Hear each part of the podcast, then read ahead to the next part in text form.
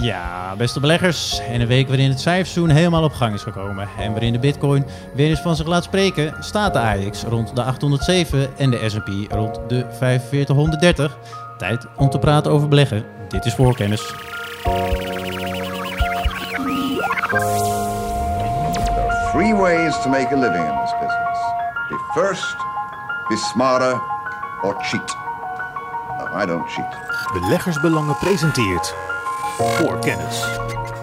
Ja, beste beleggers, leuk dat jullie weer luisteren naar een nieuwe aflevering van Voorkennis. Mijn naam is Maarten Butman en samen met beleggingsspecialisten Hilde Leman en Jeff Thijssen werpen we een blik op de financiële markten.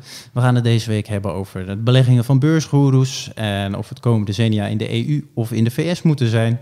De goede prestaties van small- en midcappers en we duiken in op de vraag of er een eh, eindejaarsrally aankomt en wat we daar eventueel mee moeten als belegger. En eh, zoals altijd, voor het beginnen duiken we even eh, met een korte terugblik op wat er allemaal op de beurs is gebeurd. En daarvoor kijk ik jou even aan, Jeff. Leuk dat je erbij bent. Ja, wat eh, is je allemaal opgevallen deze week? Eh, nou, het zit natuurlijk in, eh, weer in het cijferseizoen en ik heb eh, specifiek gekeken naar eh, ja, bedrijven uit mijn sector. Eén daarvan is Nedap. Dat is een heel klein bedrijf. Die heeft maar een marktkapitalisatie van eh, 416 miljoen. Ze komen uit de Groenlo. Het is een technologiebedrijf. Ze hebben verschillende oplossingen, technologische oplossingen voor de healthcare, retail en security management. Ja. En ja, kleine bedrijven worden vaak over het hoofd gezien. Ik denk bij de Nedap niet terecht.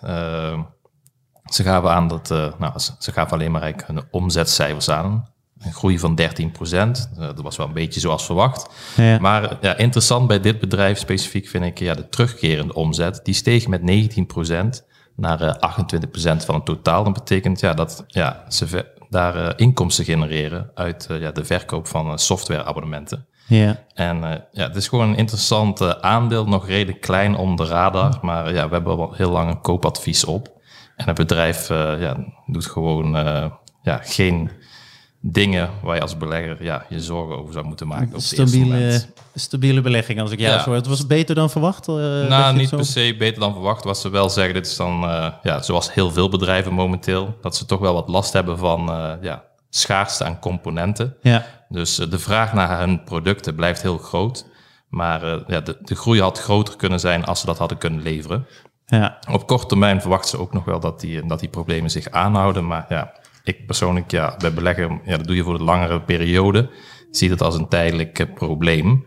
Eh, dus ja, ik zie de, ja, de vooruitzichten voor dit bedrijf eh, ja, met vertrouwen tegemoet. Oké, dus dat was jou opgevallen. Hildo, ook leuk dat jij erbij bent. Jij ongetwijfeld ook met de korte en tech bezig. Maar wat is jou allemaal opgevallen de afgelopen week? Waar heb je naar gekeken? Nou, wat, ik, wat, wat mij vooral opviel is hoe snel het herstel is gegaan. eh, het koersherstel op de beurzen van de dip van eh, september, oktober. Het ging ineens eh, heel hard. De AX is in, eigenlijk in, in noodtempo weer boven de 800 gekomen. De S&P ging rap weer boven de 4.500, zoals je al zei. En dat Ja. vond ik, eh, ik eh, later eh, kom ik er nog op terug, maar ik vond het opvallend. Ja, als sneeuw voor de zon inderdaad. dat is nog bepaalde sectoren of zo die daar echt aan bijgedragen hebben. Wat je zo, de chippers deden het onder andere ook weer goed volgens mij. Ja, maar, maar die, die lopen nog steeds achter op waar ze, zou maar zeggen, voor die dip staan. Dus het zijn niet, de chippers die echt de kar hebben getrokken. Ze zijn wel, eh, wel flink hersteld hoor. Maar Ja. eh, als je kijkt, de BSI, ASMI, ASML in Nederland, die staan nog wel wat lager dan, ehm, dan afgelopen zomer. Dan Ja. de- de- maar dat waren ook de hoogtepunten. Eh, maar je zag wel in an- andere sectoren deden, ik zag bijvoorbeeld financials, die, die, die gingen wel hard. En eh, zo waren er een aantal andere sectoren waar het... Ik zag ook inderdaad de koers van eh, RDS. eh Ja, nou, nou, die is door het dak bijna gegaan voor zo'n groot eh, bedrijf. Die, die heeft er ook ongetwijfeld in Nederland in ieder geval aan meebedragen. Maar dat is inderdaad snel gegaan met de dip. Ook voor het blad. Nou, jullie zijn beide redacteuren van beleggersbelangen. En goh, nu ik erover nadenk, ik zit met twee optie experts hier aan tafel. En we gaan het niet over opties hebben, maar dat kan nog wel een keer een andere keer. Maar jullie schrijven ook voor het blad. En eh, Jeff, jij eh, hebt onder andere ja, eigenlijk een heel leuk interview met eh, de CFO van Alberts gedaan. Ja, klopt. Dat, ik denk toch wel een bedrijf wat ook wel ja, al heel lang leeft, denk onder de beleggers van beleggersbelangen. Ja, het bedrijf zelf is in 1975 opgericht door Jan Alberts met ja, één machine, eh 400.000 gulden aan schuld en vier mensen. En eh, ja, dat is zo langzaam gegroeid naar, eh, ja, toen ze naar de beurs gingen in 1987, want het staat ook in het interview, heb ik dat vermeld, is dat uh, ja, de winst uh, is opgelopen van 1,3 miljoen naar 200 miljoen. Nou ja, je kan wel voorstellen dat je als je die tijd erin blijft zitten, wat dat voor rendement heeft opgeleverd. uh, dus heel interessant bedrijf. Was het, uh, de, de, je had het interview met de CFO van het uh, bedrijf, dat ook nog een, een, een, leuke vent in die zin. Hoe ging het gesprek zelf? Was het gemoedelijk? Was het kortaf? Wat was, ik heb geen idee hoe dat gaat met dat soort interviews. Nou, ik vond het heel positief. Ik heb natuurlijk al voor Beleggersbelangen meerdere ja, bestuurders, uh, topmannen geïnterviewd. Ja. En ja, sommigen zijn dan toch wel daar ook voor heel, veel, heel gespannen. Uh, ja, hij was daarin heel uh, relaxed. Dan zie je gewoon dat hij toch gewoon heel veel ervaring heeft. En dat uh, ja, bij Alpers, daar staan ze ook gewoon bekend. Ze hebben gewoon heel strak management. En die zitten er ook al heel lang. eerst heeft natuurlijk Jan Alpers gedaan. Daarna nu CEO Wim Pelsma. Die zitten er ook volgens mij al meer dan acht jaar.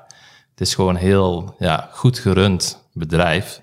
En ja, ze, ze doen wat ze zeggen. Ja, nou ja, dat is als belegger toch wel fijn dat je een beetje van de voorspelbaarheid En interessante, in, interessante eindmarkten, want ze hebben ja, echt een transitie ondergegaan. Ze zitten nu eerst focussen op heel veel verschillende uh, ja, takken van sport. Nu hebben ze steeds meer de focus aangebracht van 10 naar 4 eindmarkten. Eén daarvan is uh, het verduurzamen van uh, gebouwen, daar spelen ze op in. Nou ja, dat is natuurlijk een inkoppertje van, ja, daar moet nog heel veel gebeuren. Ja. Bijvoorbeeld op dit moment uh, wordt 1% van de gebouwen in Europa gerenoveerd. Dat is per jaar, dat is ongeveer uh, het tempo. En als we de klimaatdoelstellingen willen bereiken van uh, ja, de Green, Green Deal, dan moet dat nu al opgeschroefd worden naar 2%. Nou, dat biedt kansen. Daarnaast hebben ze ook nog, zijn ze toeleverancier aan ASML, ASMI, Applied Materials. Ja, voor, ook geen kleine voor die machines. Van uh, ja, dat is natuurlijk allemaal super hot. Oké, okay, ja, en dat was gewoon een heel leuk interview om te lezen. Ik zal uh, voor de luisteraars uh, het artikel ook in de show notes zetten. En we komen zo nog heel even met een brugje in ieder geval via Alberts ook terug. Hildo, jij had ook weer een heel fijn artikel geschreven, in dit geval over ASML. Ja. wat is daar allemaal gaande? Waar heb je over geschreven?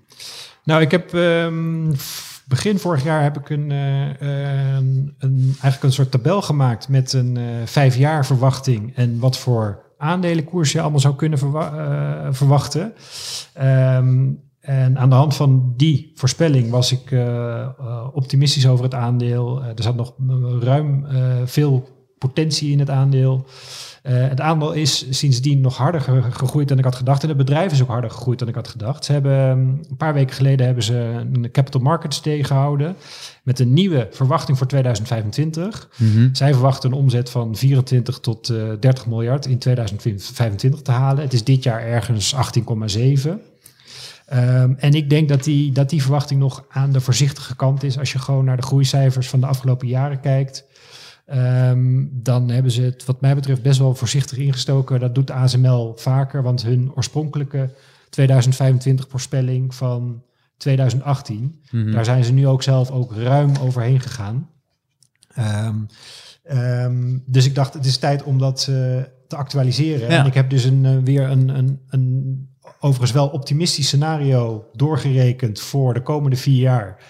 Um, en dan kom je eruit dat, dat, op uit dat als de um, KW ietsje zakt ten opzichte van de huidige KW, dus grofweg 48, mm -hmm. stel hij zakt naar 43 um, en de omzet stijgt naar nou, laten we zeggen 32 miljard, ik weet niet wat exact is, ongeveer 32 miljard. Ja. Dan, dan zou de, de koers uh, ruim 1000 euro kunnen zijn um, tegen die tijd. En dat zou dan ongeveer in 24 zou dat kunnen, want vaak zie je dat uh, beleggers vooruitkijken. Dus in 2024. Uh, ja, dus, dus de ja, koers, ja. Kijk, dat de, dat de omzet die zou dan in 2025 behaald kunnen worden van 32 miljard. Um, en dan zou de koers in uh, eind 24 al 1000 euro kunnen zijn. En dat klinkt sommigen misschien absurd in de oren. Maar je moet wel bedenken dat, uh, dat het niet zo heel lang geleden uh, bij heel veel mensen 500 euro voor ASML ik absurd zeggen, in de, nee, in we, hadden het, klonk. we hadden het erover tijdens het voorbespreken inderdaad van de titel van het artikel is ASML, hoe het uh, bedrijf, iets in die trend van hoe, hoe, het, hoe de koers naar 1000 kan gaan. Toen had in het voorbespreken ook met Jeff heel even erover van ja, goh, weet je, het klinkt misschien farfetched, maar ja, over een tijdspan van zoveel jaar is dat prima te behalen. En Ja, valt is 1000 eigenlijk nog wel mee. Kwam een 14% beetje als conclusie eruit. Ja, Als het, als het uitkomt, en dat, ik, ik heb het artikel bij gezegd, dit is een optimistisch eh, scenario. Ehm, overigens niet jubelend optimistisch. Ik heb niet een of ander fantasy eh eh, groeipercentage. gedaan. Ik, heb, ik, ik, ik reken op een, Realistisch lage- positief. een lagere groei dan de afgelopen vijf jaar. ja. Want 2021 was gewoon absurd goed. Dus ik, Ja. ik ga er niet vanuit dat, dat die lijn doortrekt. Dat, dat is haast onmogelijk. Maar dat het positief blijft gaan, dat zie je ook aan het orderboek. Er, komen, ehm, er zijn de afgelopen twee kwartaal eh, 14,5 miljard aan orders binnengekomen. Terwijl de omzet iets van 9 miljard is. Oftewel, het orderboek loopt gewoon vol. Die Ja. orders worden allemaal niet in het vierde kwartaal of het eerste kwartaal van eh, 22 eh, ver- gevuld. Dus het wil niet zeggen dat, dat die kwartalen per se enorm, en- enorm goed worden. Bedrijven be- bestellen ook eh, eh, misschien wel een jaar vooruit, misschien wel twee jaar vooruit. Dus dat zit ook in het orderboek. Maar Ja. het is gewoon een heel goed teken. Ik verwacht niet dat ASML in 22 ineens helemaal terug gaat vallen qua resultaten. Oké. Nou ja, En positief de, scenario. ja, de innovatiekracht van, kijk, ASML die investeert daar heel veel in. Ja. In hoeverre kan je dat dan ook meenemen in, een- in, in een advies? Eh, Nou, ehm, da, da- dat is voor mij bijna haast een gegeven. Maar in, in die sector, dat soort bedrijven, die, die, die, die drijven op innovatie. Als zij niet ontwikkelen, dan, ze- dan, dan zijn ze gewoon na vijf jaar zijn ze weg. Ehm, met die, met bijvoorbeeld met EUV, dat, dat, daar hebben ze jarenlang heel veel geld in gestoken. En nu gaan ze, eh, eh, dat, dat, dat zie je ook op die Capital Markets. Ze hebben ook alweer allerlei projecten om eh, die EUV weer verder te verbeteren. De, ehm, dat je steeds eigenlijk met de, dezelfde oppervlakte eh, steeds betere chips kan krijgen, eh, minder energieverbruik. Daar zijn de volgende ontwikkelingen, daar zijn ze al lang weer mee bezig. Maar dat doen al die bedrijven in de sector. Als je stilstaan is gewoon achteruitgang in die sector. Dus dat is bijna een gegeven dat zij veel geld steken in eh, onderzoek en ontwikkeling. Dat weten ze zelf ook donders goed. Daar, eh, daar hebben ze mij echt niet voor nodig. Ehm, Ik Nee, hoor het al, inderdaad. zo- een volle ruime sector waar nog veel eh, kan gebeuren. Ik denk dat we een keer een heel aparte onderwerp eh, of eh podcastopname over ASML eh, moeten hebben. Ja, nou, nou toevallig over de chipsector. Ik, eh, voor het komende nummer ben ik bezig met een artikel over de hele chipsector. Oh ja. dus eh, dat, eh, dat, dat komt in de beleggersbelangen van volgende week. Kijk eens vrijdag. Dan nog een lekkere teaser om eh, mee te eindigen. Komen we daar nog een keer ook, eh, ook op terug op het hele onder, bredere onderdeel van de, de chipsector. Voorkennis. Want voor nu is het tijd eh, om verder te gaan. Want we hebben nog een paar leuke onderwerpen op de plank liggen. En daarmee beginnen we eigenlijk met eh, de small en mid-caps. Die, eh, die worden ja, misschien eh, vaker links laten liggen dan de grotere bedrijven. Dat is eh, wellicht onterecht. En eh, Jeff, jij eh, haakte dit aan. Vertel, wat is hier allemaal gaande en waarom moeten we als beleggers eh, hier naar kijken? Ja, ik heb het al een keer eerder aangegeven in een podcast waar ik ook ja, aan deelnam. En ja, ik heb nu weer een ander onderzoek gevonden van KBC. Onze ja, zuiderburen die hebben ook een onderzoek gedaan. Dat was een periode 2003-2021, recent dus. Eh, en dan vergelijken zij de koersprestatie van de wat grotere bedrijven ten opzichte van hun ja, kleinere broers. En eh, nou, dan heb je dus een mandje aandelen, bijvoorbeeld de Eurostox 50. Die heeft in die periode gemiddeld maar 4,1% per jaar eh, opgeleverd. Maar de Next 150, een iets breder mandje met kleinere bedrijven, die doet 11,7%. En in hun onderzoek vergelijken ze ja, verschillende indices, bijvoorbeeld de AX met small caps hier, maar ook de Bel 20, maar ook in, eh, in Amerika. Dan zie je toch iedere keer een duidelijke outperformance over een eh, ja, langere periode. Zeker als je dat vijf jaar aanhoudt. Eh, dat blijkt uit een onderzoek. Als je dus in de afgelopen twintig jaar, als je die posities vijf jaar aanhoudt, dat je het duidelijk ja, beter doet. Enkel in eh, VS ja, zie je dat door die concentratie van een ja, paar kleine aandelen, ja, paar, paar aandelen, dus niet de kleine aandelen, natuurlijk die hele grote, die FANG-aandelen. Daardoor ja, doet Amerika het dan nog eh, ja, een stuk beter, maar die kleintjes lopen goed in. Ja. En dat heb ik ook wel een keer eerder aangegeven, maar zij gaan nog verder in het onderzoek. En dat vond ik wel interessant, is dat eh, zij hebben ook onderzocht wanneer eh, vindt die, ja, dat grote verschil plaats, dat die kleintjes het beter doen dan de grote. En dat is voornamelijk in de eerste zes maanden van een jaar. Ja, dat En- is mooi. Voor de actieve handela- handelaren onder ons, dat eh, vond ik ook inderdaad leuk om te horen. Ja, en we zitten nu bijna, we gaan richting het einde van het jaar. Dus ik zou kunnen zeggen, ja, wil je beleggen met eh, ja, wat wind in de rug, dan is het eh, ja, wellicht interessant, omdat ja, die bedrijven dan toch wat beter doen dan die grote, historisch gezien. En er is ook wel een ja, logische verklaring voor, want het is altijd de vraag, is er ook iets logisch voor te vinden? Ja, ik denk het wel. Dat komt dat die kleinere bedrijven, die staan gewoon minder, ja, die krijgen minder aandacht. En in het begin van het jaar, dan komen ze met hun jaarcijfers. Eh, de investor relations, die moet eh, eh, de vergadering van aandeelhouders voorbereiden. Dus die zijn ook actiever in communiceren naar buiten. En in de tweede helft dan zakt dat in. Minder aandacht. En ja, dat heeft dus schijnbaar ook effect op de beurskoersontwikkeling. Dus ja, wat de thesis is van KBC, en ik kan me daar wel in vinden, is dat ja, die rugwind die komt eraan.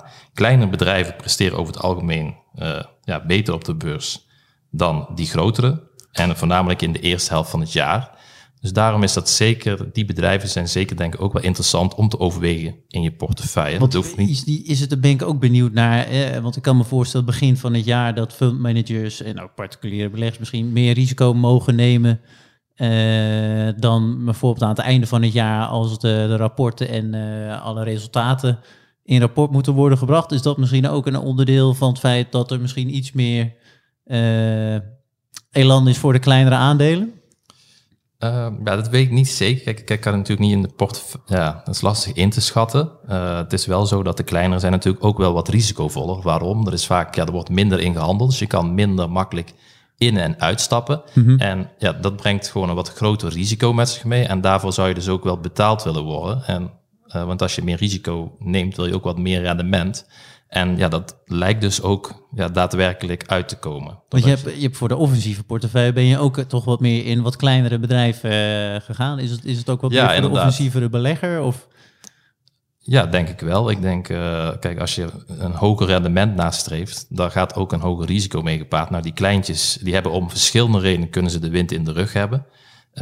Eén daarvan, die vind ik bijvoorbeeld interessant, is dat ja, bedrijven die echt klein zijn, onder de 500 miljoen, die kent bijna niemand. Ja. Eh, ik heb het toen straks gehad over Nedap. Nou ja, in mijn vriendenkring, niemand kent dat bedrijf. Eh, de meesten kennen misschien het plaatje Groenlo nog niet eens. Eh, maar als dat bedrijf dan groter wordt en het komen tussen de 500 miljoen en 1 miljard worden ze, ja, worden ze waard, dan komen ze een beetje op de radar van de meer beleggers. Ja. En je ziet gewoon ja, in het verleden, als zo'n bedrijf dan kan groeien en een beurswaarde heeft van 1 à 2 miljard, dan komen de grote beleggers. Vervolgens na 2 miljard komen een beetje eh, de buitenlandse beleggers erbij. En als je dan op een gegeven moment wordt ja, opgenomen in zo'n index, dan komen ook nog al die ja, de passieve beleggers erbij die in de ETF zitten. En die moeten Ja. de aandeel gaan kopen. Wat, wat, wat, wat, wat, waar, eh, ja, wat is dan het voordeel voor de belegger als je dan er vroeg bij bent? Is dat je daardoor ook weer een wat hogere waardering krijgt vaak.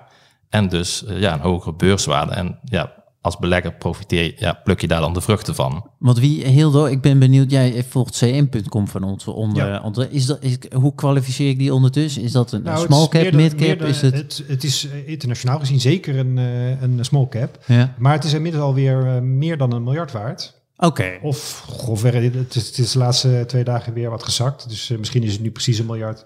Dat weet ik niet. Maar het, is dus, het heeft dus, voor- zeker voor Nederlandse begrippen, heeft het toch wel een, een serieuze eh, waarde gekregen. Maar internationaal gezien zou ik het nog steeds rekenen onder een small cap. Ik bedoel, Ja. In Amerika liggen ze echt niet wakker van een beurswaarde van 1 miljard. nee, nee, dat zullen ze zeker niet doen inderdaad. Maar voor Nederlandse termen, inderdaad die groeicyclus die je even heeft benoemd, ja, die komt bij CM, die is dan wel heel snel er doorheen gegaan. Sneller dan bij Albers destijds, eh, waar we het net over hadden. Ja, inderdaad. Nou ja, het is sowieso nu met ja, vaak bedrijven op technologie die, ja, die ontwikkelen supersnel. Ja. Eh, maar dan ook, ja, mochten ze die groei kunnen waarmaken en dat verder doorzetten. Stel je krijgt opname in een index. Dan, ja, dan heb je toch weer een groep passieve beleggers die daar dan automatisch in moeten beleggen. Meest eh, frappante, of ja, vond ik zelf de, beweging dat Tesla die werd opgenomen in de S&P 500. Nou ja, die beurskoers, die, die, die, die, was niet te houden. Dus ja, is het dan omdat bedrijf Tesla had sowieso de wind op dat moment in de rug. Heel veel mensen wilden daarin beleggen, verschillende redenen. Maar die moest ook nog worden opgenomen in de S&P 500. Nou, je zag toch echt wel duidelijk dat die daardoor een niveautje hoger werd getild op dat moment. Oké, ja, grappig dat, die, eh, dat één aandeel zo die koers dan eh, in beweging eh, zetten. Ik heb nog één vraagje voordat we daar verder gaan. Ben ik op zich benieuwd naar, want ik stel me wel voor dat het dividend bij deze small caps lager is in ieder geval. Het zijn groeiaandelen over het algemeen, of zeg ik dan... Ja, het verschilt heel erg. Ik heb eerder eh, eh, bijvoorbeeld NEDAP besproken. NEDAP Oh ja. ja, die heeft eh, een dividendrendement van meer dan 3%. mhm. Ja, en ze zitten ja, in verschillende eindmarkten, dus ook nog vrij redelijk gespreid. Dus als het in de ene markt wat minder gaat, dan vangen ze dat op in de andere markt. Dus het rendement, ja, ze, hebben, zijn, ze hebben een hele sterke balans.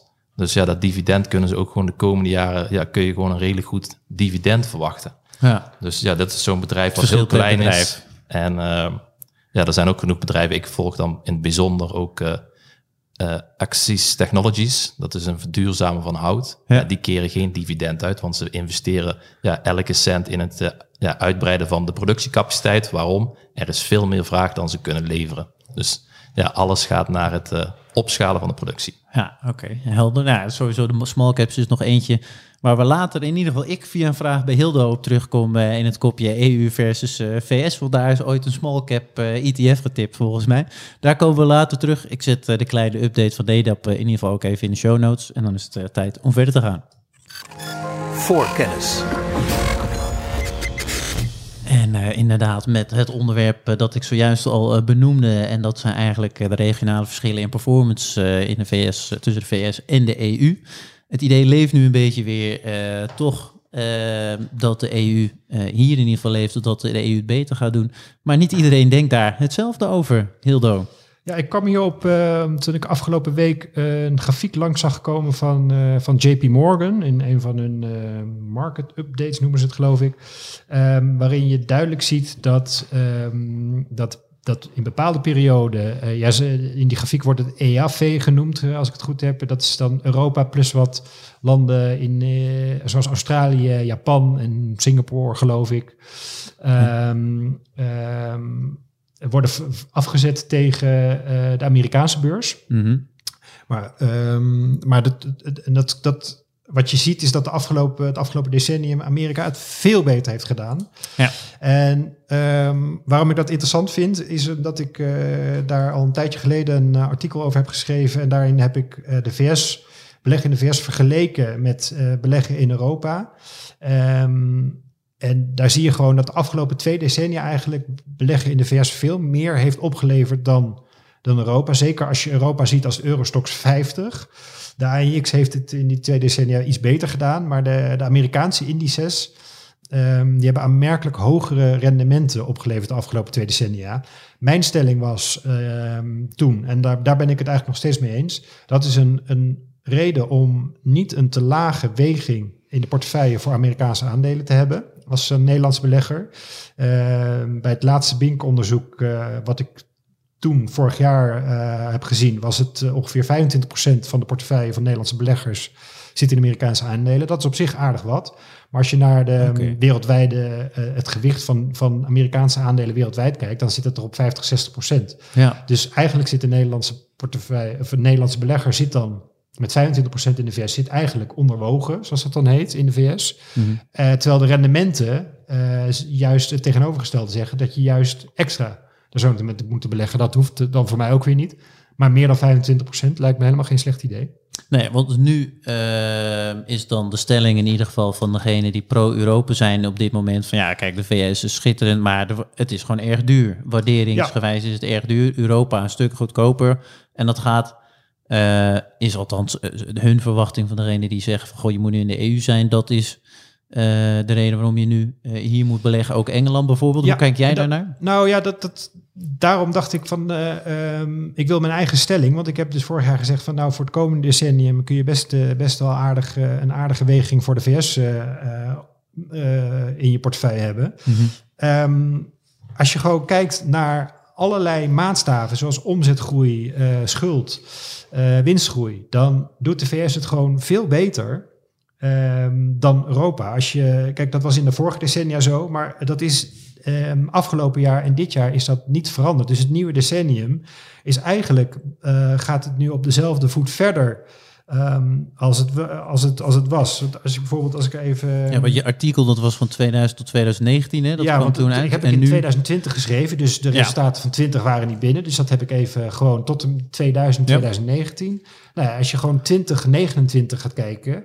Ja, ik weet natuurlijk niet hoe de, hoe de markt er in 29 bij staat. Maar ehm, 20 en 21 ehm, ziet het er gewoon goed uit. De, de omzetgroei ehm, in 21 van eh, de S&P-aandelen was 13,7 procent. ja. Eurostox was maar 5,7. De AX heeft het wel beter gedaan, 24,3 procent. Maar die zijn in 20, is daar de omzet eh 19,2 procent gezakt. Terwijl, dus die zijn eerst flink gezakt door waarschijnlijk door corona. Oké. En nu hebben ze dat herstel goed gemaakt. Maar per saldo, over zullen we maar zeggen, sinds 1 januari 2020, doet de S&P het gewoon beter dan de Eurostox en eh, beter dan, eh, dan de AEX. Kijk je naar het schuldenniveau, ehm, ik heb het even opgezocht, het, de, de, de total debt eh, to enterprise value, die, de ratio, dus de schuld ten opzichte van de totale bedrijfswaarde. Ja. Bij eh, S&P ligt die waarde op een kwart, 0,25. Bij de AX op iets van 0,46, 0,47. Dus al bijna twee keer zo hoog. En voor de Eurostox ligt die op 0,76. Dus drie keer zo hoog. Dus de schuldenlast... eh, Had ik niet verwacht dat dat nee, zo'n... had ik eh, eigenlijk ook hoog- niet verwacht. Maar de schuldenlast ligt in Europa dus gewoon hoger. Hm. Ehm, eh, de, de omzetgroei is, is dus beter. Zoals ik al zei, de winstgroei is, is ook sterker eh, in de VS. De winstmarges zijn hoger. Ehm, de winstmarges, ik heb even opgezocht, de winstmarge van het laatste kwartaal, derde kwartaal, tot wat, wat er dan tot nu toe binnen is, in de VS ligt op ongeveer 11,5 procent. Mhm. En de winstmarge in Europa ligt op ongeveer 8.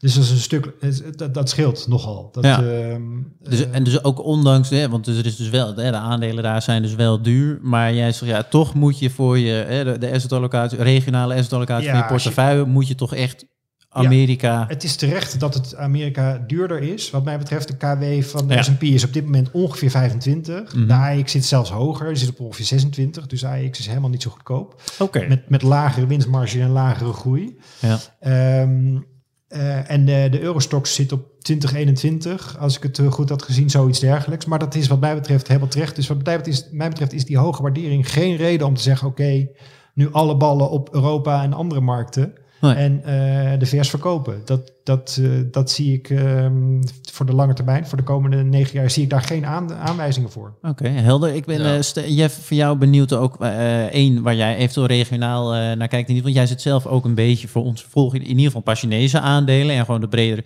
eh markt te zien. Heb jij überhaupt, eh, kijk jij regionaal, EU, VS, Nou, Azië, ja. andere dingen? Je hoort natuurlijk veel eh, professionele beleggers, vermogensbeheerders, die dan een bepaalde allocatie geven aan een bepaalde regio. Eh, en dan zeggen ze, ja, we gaan Europa, geven wij de voorkeur vanwege de lagere waardering. Eh, ja, persoonlijk ben ik meer van het ja, zoeken naar individuele aandelen. Ben ik niet specifiek regio gebonden. En ik denk eh, bijvoorbeeld Apple is daar een goed voorbeeld van. Die, ja, die heeft ook een hele hoge waardering. Maar wat vaak niet mee wordt genomen in, ja, in een analyse is de innovatiekracht van een bedrijf. Bijvoorbeeld eh, als je kijkt eh, ja, een x aantal jaar geleden, dan gaat een analist gaat een voorspelling maken van de toekomstige winsten. Maar toen hadden ze alleen computers. Vervolgens komt de iPhone, het tablet, eh, de iPad. Allemaal producten waar je nog niet van bestaan wist. En dus ook niet dat dat ja, nu, vandaag de dag, alle inkomsten mee wordt gegenereerd. Dus kan een bedrijf blijven innoveren, dan zijn ze nog steeds die topspeler die ze nu zijn, met die grote marktkapitalisatie. Kunnen ze dat niet? Ja, dan niet. Maar eh, de hoge waardering hoeft niet per se voor mij de belangrijkste reden zijn om eh, ja, elders te gaan zoeken naar een koopje. Eh, dus ja, zelf kijken liever naar individuele bedrijven, denken van heb ik vertrouwen in dat ze met iets nieuws kunnen komen. Dat is ook een hele goede zienswijze uiteraard. Ik kan me alleen wel voorstellen dat stel, je hebt het over Apple, dat is natuurlijk een, eh, een bedrijf dat wereldwijd opereert. Ik vermoed dat een eh, eventuele spreiding, regionale spreiding, je ook doet om risico te vermijden. Want stel, ja, Apple zit dan heel globaal, dus die heeft er misschien minder last van als bijvoorbeeld een, eh, de VS iets gebeurt op catastrofaal niveau, waardoor de hele boel inzinkt. Eh, Ja. Dat is op zich wel, ik denk ook heel dood dat dat een van de redenen is waarom mensen regionaal gespreid zitten. Of is dat, zit er nog meer achter dan... Ja, kijk, als, het risico vermijden. Als je ziet, je hele portefeuille zit, eh, zoals jij in Nederland, hoeveel zit in Nederland in Nederlandse aandelen? Dat is toch een heel hoog. ja, dat is een vrij, vrij hoog percentage. Het is zeker hoog als je ziet wat, wat de, de zou maar zeggen, als je het vergelijkt op marktkapitalisatie. Zo, dat kan me goed uit. eh, op, op wereldschaal. Ja. dan is Nederland stel natuurlijk niet zo gek veel voor. Nee. Ehm, en ik, ik weet niet meer exact wat het was, maar het was een vrij hoog percentage. En, en op zich vind ik dat ook niet zo erg, want op zich er, zit- zitten ook best wel goede aandelen in Nederland. Dus Ja. dat is het probleem niet.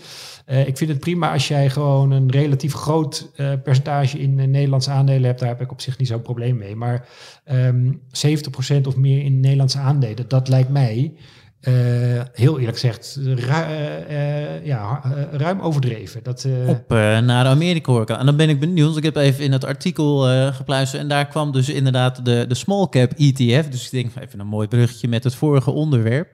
Is Ja. dat nog steeds een, eh, een leuke manier om dat, daar te investeren? Of zou je Op eerder een van de andere... Nou, op lange termijn, ehm, eh, op lange termijn is zijn die, zie je dat die small caps ehm, vaak, Jeff had het er net al over, dat die vaak beter presteren. En Hmm. dat, wat ik ook, eh, ehm, ik had ook uitgezocht tussen 2000 en 2019 heeft de S&P het heel goed gedaan met een total return van 132,1% dus inclusief dividend en in euro.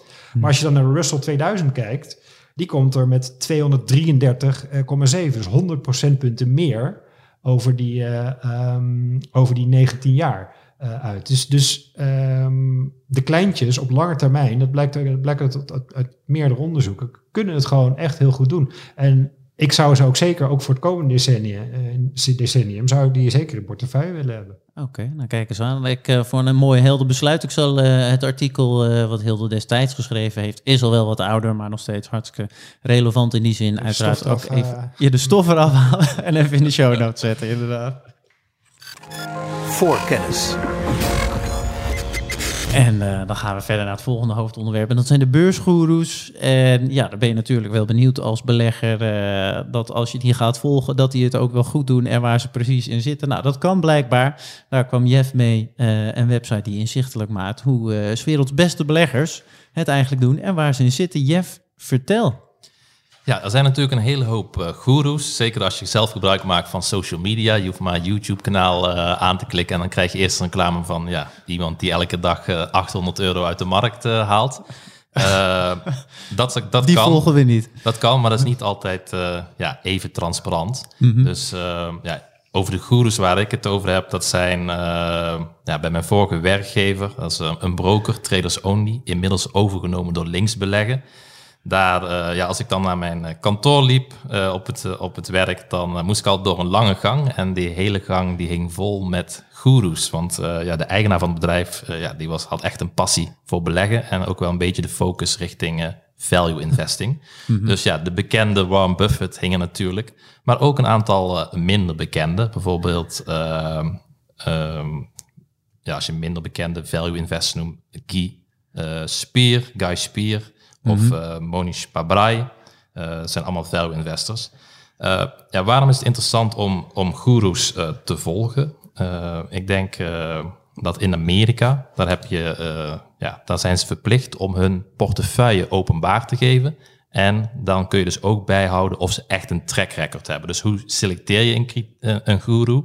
Ik denk in eerste instantie op dat iemand echt 10 tot 20 jaar lang ja, heeft bewezen dat hij de beurs weet te verslaan. En omdat het openbaar is, is het ook transparant. En dan kun je soms wel op leuke ideeën komen. Zeker. Eh, en eh, een website die dat allemaal bijhoudt eh, is dataroma.com. en daar kun je dus bijvoorbeeld zien dat Charlie Munger, de rechterhand van, van Warren Buffett bij Berkshire Hathaway, dat hij ook een portefeuille eh, beheert, een kleine portefeuille voor een ander bedrijf.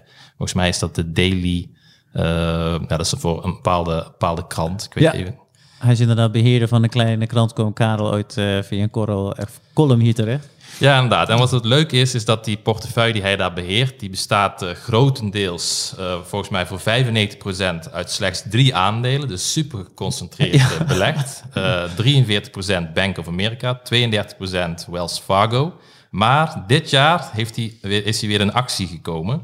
En eh, hij had al ja, sinds 2014 geen transacties meer gedaan. Maar dit jaar in het begin, in het eerste kwartaal, heeft hij een positie geopend in Alibaba.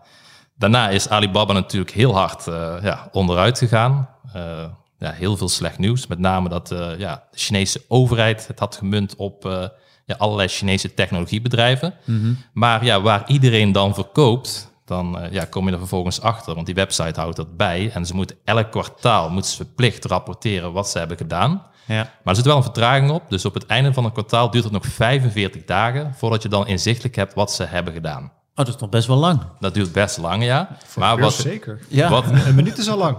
ja. ja, maar dus die superbeleggers hebben iets, uh, ja, ja. Ze hebben allemaal iets, iets gemeen. En het is dat ze weinig transacties doen. Dus ik gaf net al aan, Charlie Munger met die portefeuille had al zes jaar geen transactie gedaan. Dus als je hem dan denkt van, nou, ik vind het interessant, ik ga hem volgen. Dan is het niet zo dat hij bijvoorbeeld op de laatste dag van een kwartaal uh, iets koopt een week later verkoopt en dat jij pas enkele maanden daarachter, ja, Zeker. dan erachter komt. Dus ja, waar iedereen verkoopt is natuurlijk uh, ja, Charlie Munger, die heeft, uh, ja, staat er onbekend dat hij zijn huiswerk doet. Die heeft natuurlijk weer bijgekocht. Die heeft zijn positie met 80% uitgebreid. En dan kun je dus op die site zien, uh, specifiek welke transacties hij doet. En ja, ik denk dat het een heel leuke manier is voor beleggers om wat ideeën op te doen, want je bent continu op zoek naar ja, een idee, misschien een nieuw aandeel. Ja. En wat ik op deze site dan ook terugvond, is dat ja, bij mijn vorige werkgever volgde mijn, de eigenaar van het bedrijf, die volgde specifiek vijf specifieke goeroes. En dat die goeroes allemaal, uh, of in ieder geval een groot deel daarvan, die hebben nu het aandeel Micron in portefeuille. Ja, en dat zit in de sector uh, van Hildo. Ja. En ik ben benieuwd ja, hoe Hildo tegen dat aandeel aankijkt. Hoe goed is dit aandeel, Hildo? Hij stond, ik heb ook even in het lijstje gekeken. Inderdaad, het is best wel leuk van die website. Dus uh, ik zal nog eens even dataroma.com. staat een lijstje met top 10 holdings. Uh, zowel in aantallen als relatief gezien. En Micron stond procentueel daar genoemd. Op plek 4 na overigens. Alphabet, Microsoft, en Facebook, ook aandelen die jij volgt. Hoe, hoe, interessant is Micron? De rest kent. Nou, Microsoft, uh, sorry, uh, Micron vind ik uh, al heel lang interessant. Het is ook een van mijn redactietips dit jaar en ook al eerder ook al geweest. wat, wat, wat daar eigenlijk speelt en waar het misschien ook populair is bij die, bij die gurus, is dat um, de waardering heel laag is. En dat komt omdat er het, het, een heel sterk beeld is dat het een, een cyclisch aandeel is, een cyclisch bedrijf en dus een cyclisch aandeel. Um, Wat doen ze precies? Ze maken Chipper, toch? Ja. Ze maken, ze maken geheugenchips en die, die geheugenchips hebben nogal de naam uh, in een soort varkenscyclus te zitten. Ja. Um, als het goed gaat, gaat het ook heel erg goed. Dan uh, worden, er, worden er een hele hoop chips gekocht, worden voorraden, voorraden opgebouwd, de prijzen stijgen. Uh, als de voorraden dan op een gegeven moment groot genoeg zijn en al die elektronica producenten hebben genoeg chips, die denken: oké, weet je wat, we gaan voorlopig even niet meer bestellen. Dan kukelt die prijs in elkaar. de productie moet omlaag. En dan gaat het natuurlijk met bedrijven als Micron een stuk minder. Dat is het, een beetje het traditionele beeld. En die cycliciteit die zit er nog steeds wel in. Alleen um, de dippen zijn wat mij betreft veel minder dramatisch dan ze vroeger waren. Dat, dat kun je ook zien in de resultaten. Vroeger ging het, uh, ging het echt dik de min in. Er werd mm. verlies gemaakt, uh, kwartalen, soms jaren, in okay. de slechte tijden. Dat is nu, um, maken ze, er was niet zo lang geleden was er nog een, eigenlijk een soort dip. En toen maakten ze gewoon, verdienen ze gewoon nog geld. Uh, de balans van Micron is veel beter. En dat komt onder andere doordat de concentratie uh, groter is geworden. Er zijn minder, uh, um, er zijn gewoon simpelweg minder concur concurrenten. Er zijn wat overnames okay. geweest, waardoor er uh, niet zoveel spelers meer. Ja, inderdaad. Dat is een mooi woord ervoor, inderdaad. Um, er zijn niet zoveel spelers meer. En al die spelers zijn nu relatief uh, behoedzaam als het gaat om capaciteitsuitbreiding. Wat vroeger nog wel eens gebeurde van, oh, het gaat goed op die geheugenchipmarkt, hoppa, even een nieuw fabriekje erbij, nieuwe, nieuwe machines, productie meteen uh, flink opvoeren. Ja, en dan ontstaat, en als ze dat allemaal gaan doen, ja, dan ontstaat er een, eh, een overschot aan productie en dan, dan kukelen die prijzen in elkaar. Um, nu zie je dat die bedrijven veel meer bezig zijn om dat te voorkomen, om die prijs een beetje op een fatsoenlijk niveau te houden, waardoor ook in mindere tijden ze gewoon winst maken. Um, en zo kom je in het lijstje terecht van de beursgoeroes. Ja, en, uh, en het, het, aandeel wordt dus gewaardeerd alsof het nog een beetje dat oude bedrijf is, uh, waarbij het elk moment uh, huilen met de pet kan, kan worden. Ja. Um, terwijl ik denk dat dat heel erg gaat meevallen. en dus betaal je nu, nou wat is het, iets van negen, keer, negen keer de winst betaal je voor, voor Micron, terwijl je voor Nvidia eh, nou 50, 60 keer Ik wou net zeggen, eh, ja, het is echt een eh, bizarre waardering. ja. Nou zitten er wel verschillen tussen. Ik wil niet zeggen dat het dezelfde bedrijven zijn. Dus ik zeg niet dat Micron naar 60 moet. Dat, dat ze naar een KW van 60 moet. Dat zeg ik absoluut niet. Maar voor zo'n voor zo'n lage waardering vind ik het bijna een no-brainer zo'n aandeel. Ik, ik, ik durf best wel te zeggen dat ik... ik durf best wel wat te verwedden dat over vijf jaar Micron een stuk hoger staat dan nu. Nou ja, en met jou dus vele goeroes, Jeff. Ja. Die, die kwam inderdaad mooi op het lijstje naar voren. Nog een paar andere techbedrijven ook. Ah, je Ja. haalt die er nog meer dingen uit? Nou, wat, wat leuk is natuurlijk, is als je zegt van, eh, kijk, er zijn heel veel goeroes en sommige, ja, die benaderen je ook omdat ze fantastische rendementen behalen. En eh, ik heb er heel vaak gezien dat dat, eh, ja, verkeerd gaat, dat het toch heel erg tegenvalt en dat ja, die rendementen niet worden waargemaakt. Ja, deze specifieke goeroes, die hebben dan, ja, over een langere periode een goed track record opgebouwd, wat openbaar is, waar het transparant is en ook je zegt van nou, dat hebben ze ook daadwerkelijk gerealiseerd. Maar ja, dan is er denk ik nog een extra stap alvorens je mee gaat doen met ja, zo'n specifieke guru. Is dat je ook gaat kijken van oké, deze guru die heeft een bepaald track record. Maar wat is zijn beleggingsstrategie? is die eenvoudig te begrijpen? Kijk, wij bij Beleggersbelang hebben natuurlijk ook eh, iemand met een goed track record. Eh, mijn collega Menno heeft tien jaar al die dividendportefeuille. En hij deelt ook zijn kennis van ja, hoe, hoe, waarom maak ik bepaalde keuzes. Eh, en ja, dat, bij die goeroes is het ook vrij makkelijk terug te vinden. Waarom? Ja, die zijn zo groot en zo bekend. Nou, dat- die hebben heel vaak een, een, er zijn boeken over geschreven. Nou, je hoeft maar drie boekjes eh, te bestellen bij bol.com. Je weet wat ze doen en dan kun je, zo volgen, kun je ze volgen.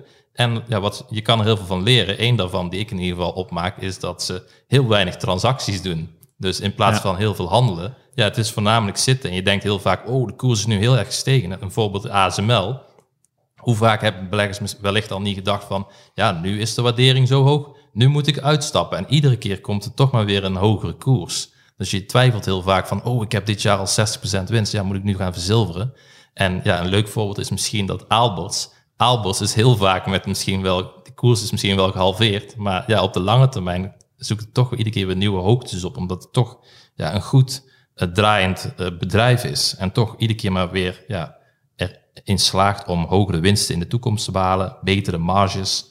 Eh, dus ja, je kan er gewoon heel veel uit opmaken op een vrij eenvoudige en ja, een be- beetje het- luie manier. eh, Zeker. Ik vond de zes jaar van Munger echt inderdaad... Zes jaar zei je toch eh, eerder of niet? Ja, dat is wel dan die specifieke portefeuille, want hij ja. natuurlijk ook bij Berkshire Hathaway. Maar wat heel leuk daarnaast nog is, is ja, je kan dus naast eh, dat je kan zien dat ze een transactie hebben gedaan, kun je ook in die portefeuilles kijken. Wat hebben ze nu precies? En wat helemaal interessant is, hun weging. Want Ja, ze hebben soms bij, bijvoorbeeld, ja, als je kijkt eh, naar Berkshire Hathaway, eh Warren Buffett, die heeft ja, volgens mij meer dan 40% van zijn belang is alleen maar Apple.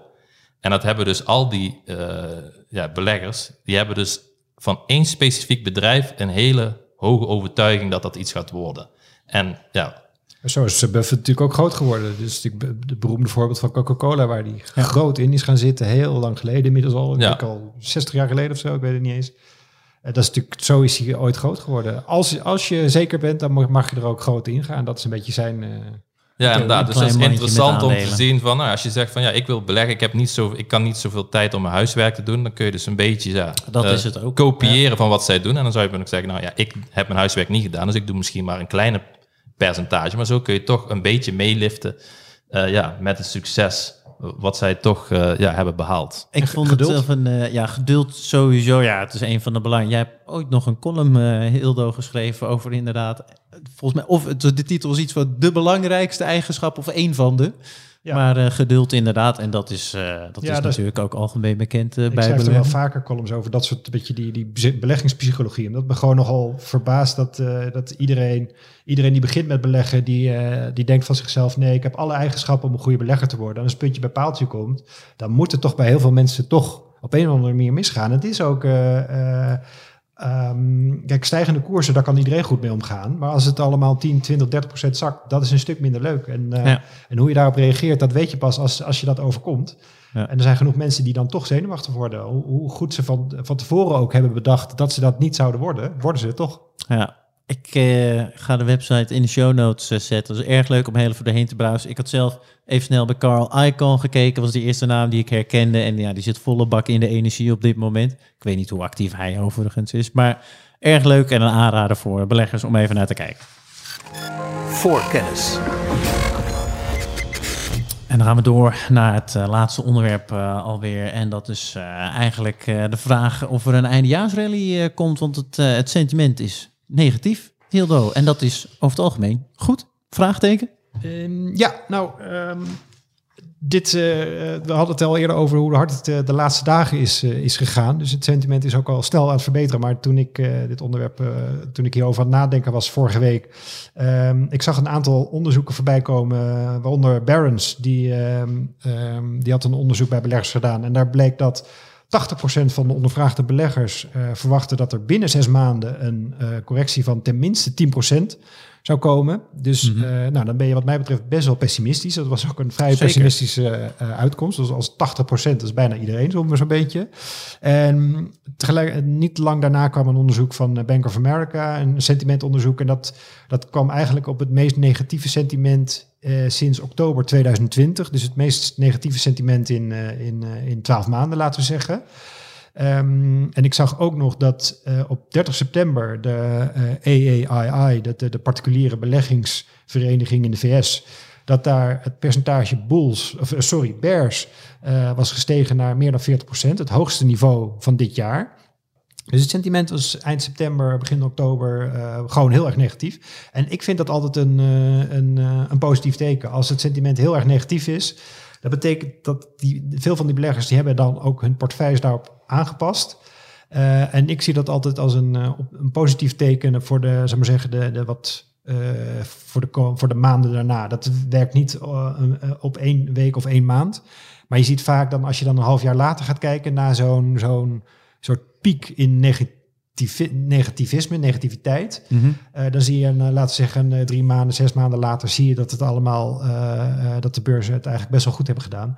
En daarom, um, daarom acht ik de kans best wel groot dat de stijging die nu net deze week, eind vorige week begonnen is, dat die nog door gaat zetten tot, tot het einde dit jaar. Dat we dus een soort eindejaarsrally krijgen. En ik zei net al, het zou mij echt absoluut niet verbazen dat de AX gewoon in december op 48 of 850 staat.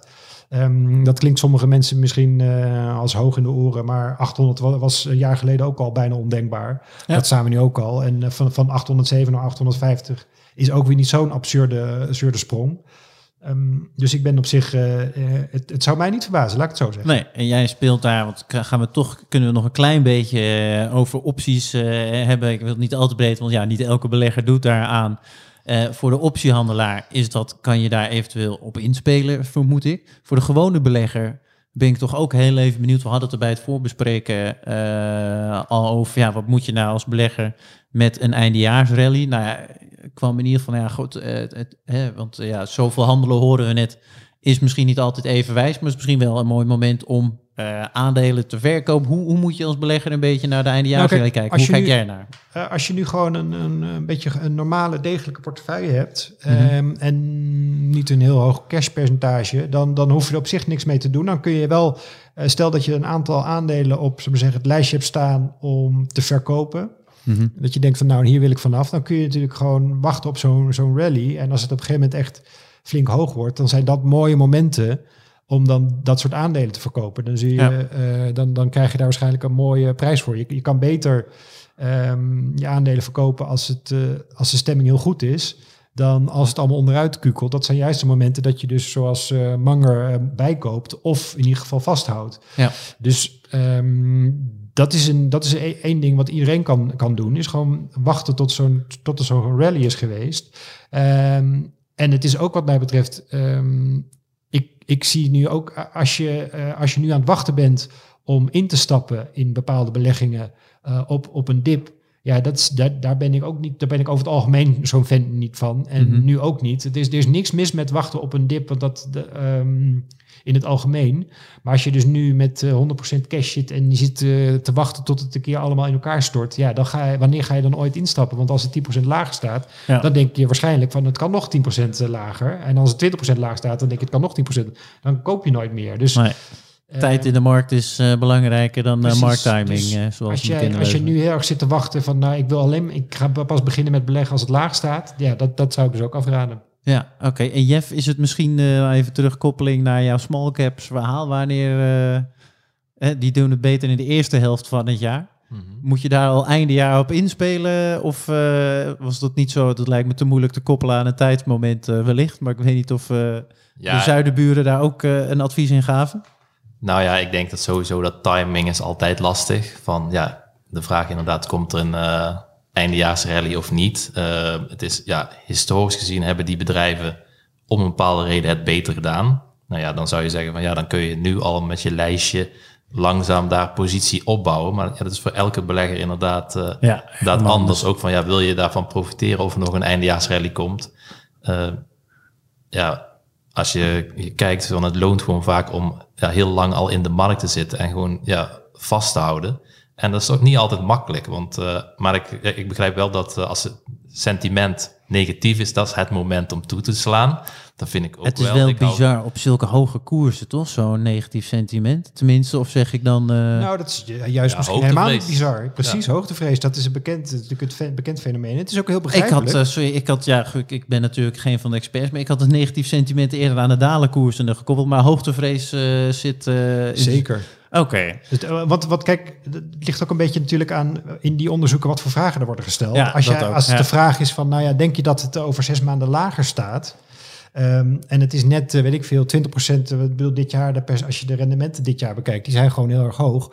Dus het is op zich niet zo heel gek dat mensen denken na 25, 30% stijging, van nou, het zal nu wel omlaag gaan. Ik denk dat dat, eh, ik denk dat dat wel meevalt. Want wat je, wat je juist ziet is als, als het goed gaat, dan blijft het vaak wat, wat langer goed gaan. Dat, uiteraard gaat het niet eeuwig zo lang goed. Nee. Ik bedoel, ook ik realiseer me heel goed dat er, er komt ook een moment dat het 10, 20% omlaag gaat. eh, want dat gebeurt gewoon om de zoveel jaar. Ja. Ehm, dus dat zit, er, dat zit er geheid een keer aan te komen. En dat zou zomaar eens eh, volgend jaar kunnen zijn. Dit jaar hebben we eigenlijk opvallend weinig echte serieuze correcties gehad. En dat zou zomaar eens volgend jaar ingehaald kunnen worden. Dat, eh, dat, dat houd ik zeker niet voor onmogelijk. Dus Nee. ehm, En, en de volgende de, de optietip van komende week, dat wordt een call-constructie op de AEX? Dat is het of- meestal. Nou, op de AX, nee, ik, ik, ik, eh, voor mensen die het niet kennen, ik, ik, eh, ehm, ik ga uit van statistieken. En de statistieken, ehm, die zeggen gewoon, ik hou al die statistieken bij voor, voor een heel aantal indices. De statistieken zeggen gewoon, de kans op een, op een stijging, als je het over 3, 6, 12, 24 maanden bekijkt, Ja. is gewoon veel groter dan de kans op een daling. Dus als je met, eh, met derivaten inzet voor 3, 6 of 12 maanden, dan is het gewoon slimmer om in te zetten op een stijging dan op een daling. Want je, de, eh, je- je hebt gewoon een grotere kans op succes. Ja. Dus dat, daar maak ik gebruik van. En dat doe ik altijd. Eh, bijna altijd, laat ik zo zeggen. Ik, Bijna altijd, tenzij Bijna het een parachute is inderdaad. ja, eh, soms een is. beschermingsconstructie. Het is niks met beschermingsconstructies, want ik, ik realiseer me maar al te goed. Het gaat gewoon af en toe gewoon helemaal mis op de beurs. En dat, Ja. dat hoort er gewoon bij. En dan, dan, dat weet je van tevoren. En dan moet je, het enige wat je kunt doen is erop in, is een, goed, een goede strategie hebben. En die gewoon blijven uitvoeren. En dan, eh, hoe, hoe het beursklimaat ook is. Oké, nou zo. Een mooi besluit. Tijd om nog heel even eh, te gaan vooruitblikken. Voorkennis. En eh, Jeff, daarvoor kijk ik eigenlijk naar jou. Wat, eh, wat gaat er allemaal gebeuren de komende Waar kijk jij naar uit in ieder geval? Ja, specifiek natuurlijk eh, ja, naar bedrijven die met cijfers komen. Ja, dat is cijferseizoen. gewoon eh, het cijferseizoen. Je wilt gewoon eh, ja, zien hoe gaat het met het bedrijf, wat je volgt. Nog een paar die echt eruit springen of waar je denkt, nou, die, die heeft verwachtingen gezet of die is met belofte gekomen of een paar die je moet volgen voor een portefeuille. Ja, niet specifiek in het bijzonder. Ik weet bijvoorbeeld dat een populair aandeel onder lezers van beleggersbelangen, althans vaak als ik zie aan de e-mails die ik daarover ontvang, is een van de meest eh, ja, besproken, denk ik, eh, AMG. Oh ja, die komt met zeker. cijfers. Eh, ja, over het algemeen, alle bedrijven die met cijfers komen, het is gewoon interessant om te zien, hebben ze last van die bijvoorbeeld hogere grondstofprijzen? Ja. Hebben ze last van een tekort aan componenten? En ja, wat, ja, wat een meerwaarde is voor een aandeel, en zeker als je dat voor, ja, ik heb eerder al aangegeven, het is bij beleggen ja, lange adem, dat je die op de plank kan leggen, eh, is, is zo'n bedrijf in staat om hoger, die hogere prijzen ook door te berekenen aan hun klant. Dus ja, sommige bedrijven communiceren daar ook. Bijvoorbeeld Nedap, wat, eh, ja, wat deze week is gekomen. Die zeggen, ja, wij hebben er last van. Maar ja, indien nodig, kunnen wij het doorberekenen. En ook het interview met Albers, die CFO, die geeft ook aan, ja, wij maken unieke producten. En als je unieke producten maakt, ja, daar zijn mensen bereid om iets meer voor te betalen. Ja. Eh, dan gaat het niet concurreren om prijs. En dan kun je dus ook die prijs ja, verhogen. En daar is best veel begrip voor, ook bij, bij de klanten. Ja, Vooral in dit klimaat. ik ben benieuwd. Dus die, eh, komt, wanneer komen ze met cijfers, AMG? Eh, woensdag na beurs. Wo- Woensdag, ja, altijd na beurs. Ik ben ook in de beraad, want zij hebben toch ook die berichtgeving over het, dat ze die lithiumbatterijen. Ik ben daar ook benieuwd, niet dat daar nu al iets voor komt, maar dat was, bracht toch wel de koers in beweging. Hildo, waar kijk jij allemaal naar eh, de komende week? Nou, wat ik zelf een hele interessante vind is eh, maandagavond eh, Facebook met de derde kwartaalcijfers. Facebook Oh ja. is, is, vind ik, het is ergens ook wel weer een beetje moeilijk aandeel, omdat de, de publieke opinie, vooral in de VS, ten opzichte van Facebook, is enorm negatief. Alhoewel met publieke opinie moet je dus wel een klein beetje oppassen, want het is vooral misschien de opinie van, zullen we zeggen, mediamakers en eh, social media activisten. Eh, want wat ik al- altijd zo opvallend vind, is dat de kritiek op Facebook is natuurlijk niet nieuw. Dat, dat bestaat al jaren. Ehm, nu wordt er, lijkt er iets meer werk gemaakt van te worden, ook in politieke zin. Maar evengoed, dit, dit verhaal dit speelt natuurlijk al jaren met privacy, verslavingsgevoeligheid, in- invloeden van overmatig gebruik van social media op, op jeugd. Dat soort, al dat soort punten is natuurlijk niet nieuw. Maar wat je gewoon ziet is dat ehm, de resultaten van Facebook gewoon onverminderd goed blijven. Ja, Ehm, en dat vind ik elke keer het, eh, ook ergens ook weer een, een moeilijk. eh, want, want komt er ooit, dat is, die, die vraag die kan ik namelijk zelf ook niet beantwoorden. Komt er ooit een punt dat die publieke opinie zodanig negatief wordt dat mensen ook daadwerkelijk Instagram en Facebook links laten liggen? Dat ze andere media, social media eh, gaan, gaan opzoeken. ja.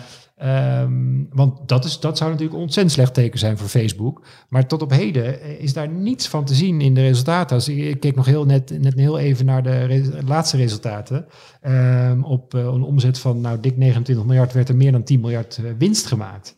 Nou, dat zijn getallen, dat, daar de meeste bedrijven die, die, die, die mogen daarvan dromen. Dus het geld stroomt binnen bij Facebook.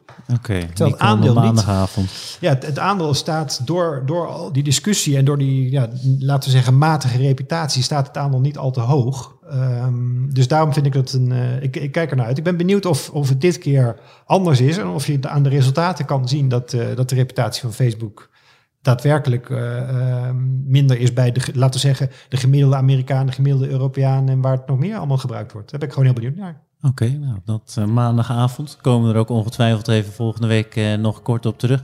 Ik wil jullie beiden bedanken voor eh, de deelname deze week. En we hopen jullie vaker weer terug te zien, uiteraard. En tegen de luisteraars zeg ik dat we volgende week zitten met Steffen en ook met Michiel Pekelharing. Dan spreken jullie dan weer. Tot dan.